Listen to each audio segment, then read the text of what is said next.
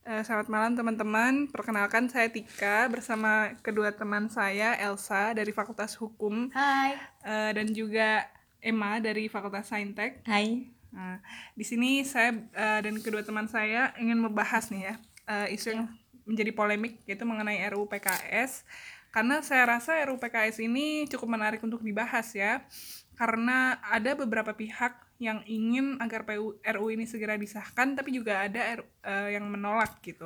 Mungkin dari Mbak Elsa bisa sedikit mm, menjelaskan gitu karena eh, tentang RUU PKS ini. Ya. Mungkin kita bisa mulai dari definisinya dulu ya dalam RU RUU PKS ini. Kekerasan seksual adalah setiap perbuatan merendahkan, menghina, menyerang dan atau perbuatan lainnya terhadap tubuh, hasrat seksual seseorang dan atau fungsi reproduksi secara paksa bertentangan dengan kehendak seseorang yang menyebabkan seseorang itu tidak mampu memberikan persetujuan dalam keadaan bebas karena ketimpangan relasi kuasa dan atau relasi gender. Nah, ini nih poin-poinnya. Oh, jadi ini secara definisi gitu ya. Ya. Ah, gimana? Mungkin Mbak Emma bisa menambahkan? Ya, jadi tadi kan udah dibacakan oleh eh, teman saya nih sama si L kayak gitu terkait dengan definisinya kekerasan seksual versi RUU PKS. Nah, ini sebenarnya ada beberapa hal yang kemudian itu belum bisa kita sepakati. Iya. Yang pertama adalah hasrat, Hasrat seksual. Hasrat seksualnya seperti apa? Yang suka sama sukakah? Atau justru hasrat seksual yang dia itu mengakomodir semua jenis hasrat seksual yang ada. Hmm, bahaya nih. Ya.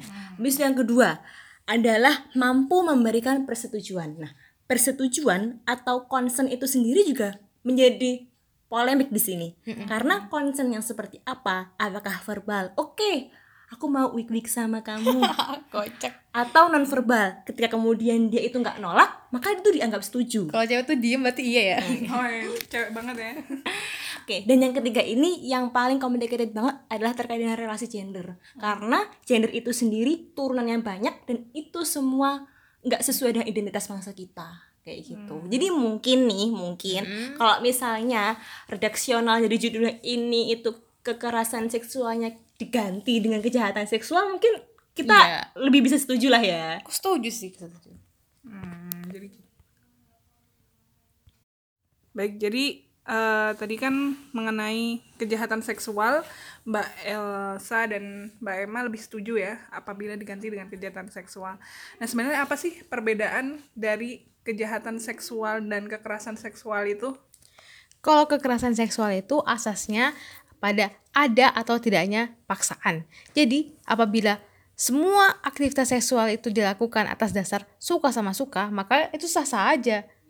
Ya udah, nggak apa-apa, bukan suatu buah kejahatan. Tapi kalau misalnya kejahatan seksual, itu udah pasti ukurannya. Ada pada peraturan, norma-norma masyarakatnya, nilai agama, udah jelas patokannya. Kayak gitu. Iya. Jadi ini yang perlu teman-teman ketahui bahwa kasus-kasus yang kemudian itu dieksploitasi oleh media massa itu kebanyakan adalah kasus-kasus kejahatan seksual. Contohnya kayak seorang anak dia eh, diperkosa oleh ayah, paman atau siapanya lah kayak gitu. Itu adalah kasus kejahatan seksual.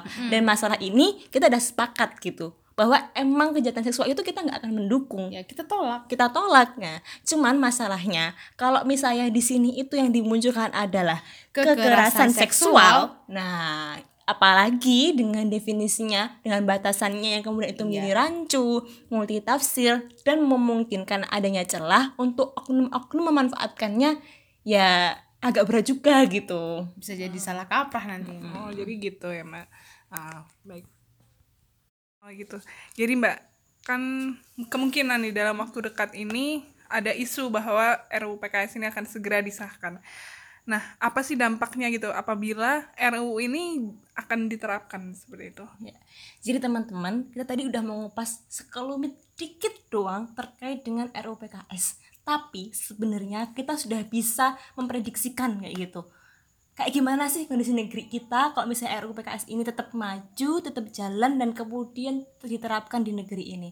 Yang pertama, yaitu dengan adanya RUU PKS itu berpotensi, berpotensi yul ya, tapi berpotensinya itu besar, untuk melegalkan perzinahan. Karena tadi batasannya adalah persetujuan. Kalau misalnya setuju, kalau misalnya suka sama suka, maka nggak masalah. Iya. Habis itu poin yang nomor dua adalah kalau misalnya RUU PKS ini diterapkan, ini memungkinkan untuk melegitimasi segala jenis penyimpangan seksual yang tidak sesuai dengan identitas bangsa kita. Contohnya adalah LGBT. Iya, benar. Kenapa kok bisa seperti itu? Karena tadi kita kembali ke definisinya. Ada kata-kata relasi gender di mana turunan daripada turunan daripada gender itu sendiri ada terkait dengan orientasi seks. Jadi, selama kemudian kalau misalnya orang itu suka terhadap sesama jenis, nggak masalah. Nah, yang ketiga yang berikutnya adalah dengan adanya RUU PKS ini berpotensi untuk melegalkan prostitusi dan juga aborsi. Kok bisa kayak gitu? Contohnya, kalau misalnya PSK mereka rela untuk melakukan prostitusi. Dan itu kan nggak bisa gitu ketika kita kemudian menuduh mereka sebagai kekerasan seksual karena mereka rela melakukannya. Iya, benar. Ya. Terus ketika kemudian PSK itu hamil dan melakukan aborsi, eh, mereka menggugurkan kandungannya juga tidak bisa dilakukan dituduh sebagai kekerasan Kekerasan seksual, seksual. karena itu adalah kesadaran daripada pelakunya itu sendiri. Nah, ini cuma ditilik dari tiga hal yang kemudian sangat simpel banget kayak gitu. Itu belum dalam masalah yang konteks lebih besar, dalam konteks yang lebih rumit seperti ketahanan keluarga, terus kemudian eh, sex education kepada anak-anak kita mendatang kayak gitu. Kayak aku bisa bayangin sih. Apa jadi Indonesia? Iya, apa jadinya negeri ini ketika kemudian RUU PKS diterapkan? Oke mbak, kalau misalkan nih eh, RUU PKS tidak disahkan gitu, tapi kan memang kejahatan seksual di luar sana itu memang banyak terjadi. Nah, ada nggak sih undang-undang itu yang bisa menggantikan keberadaan RUU PKS itu? Sebenarnya udah banyak undang-undang yang dapat mengcover permasalahan dari kasus-kasus yang sudah ada. Yang menjadi masalahnya bukanlah produk hukumnya, tapi penegakan hukumnya. Produk hukum udah banyak seperti Undang-Undang Nomor 23 Tahun 2004 tentang penghapusan kekerasan dalam rumah tangga, Undang-Undang Nomor 21 Tahun 2007 tentang pemberantasan tindak pidana orang untuk aborsi misalnya, atau Undang-Undang Nomor 35 Tahun 2014 tentang perlindungan anak dan undang-undang lain yang relevan.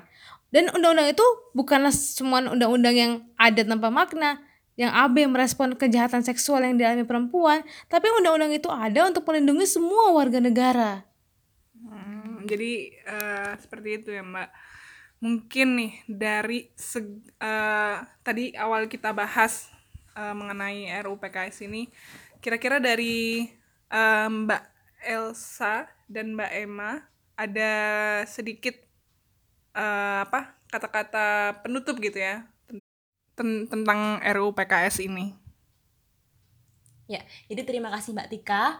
Jadi kesimpulannya adalah uh, kami berharap bahwa Indonesia ini mempertahankan identitasnya sebagai negeri yang bermoral, negeri yang beradab kayak gitu. Dan untuk teman-teman yang mendengarkan podcast ini yang sekelumit doang, yang sedikit banget ini, kemudian jadi lebih tergugah dan eh, terbuka pikirannya untuk mencari tahu lebih terkait dengan RUU PKS ini dan kita nggak mudah untuk digoyahkan pendirian kita. Ya benar sekali. Hmm, Oke. Jadi mungkin dari Mbak Elma dan Mbak Elsa bisa memberikan statement terakhir gitu ya. Ah, monggo silakan. Kami perempuan, kami Indonesia, dan kami menolak RUU PKS.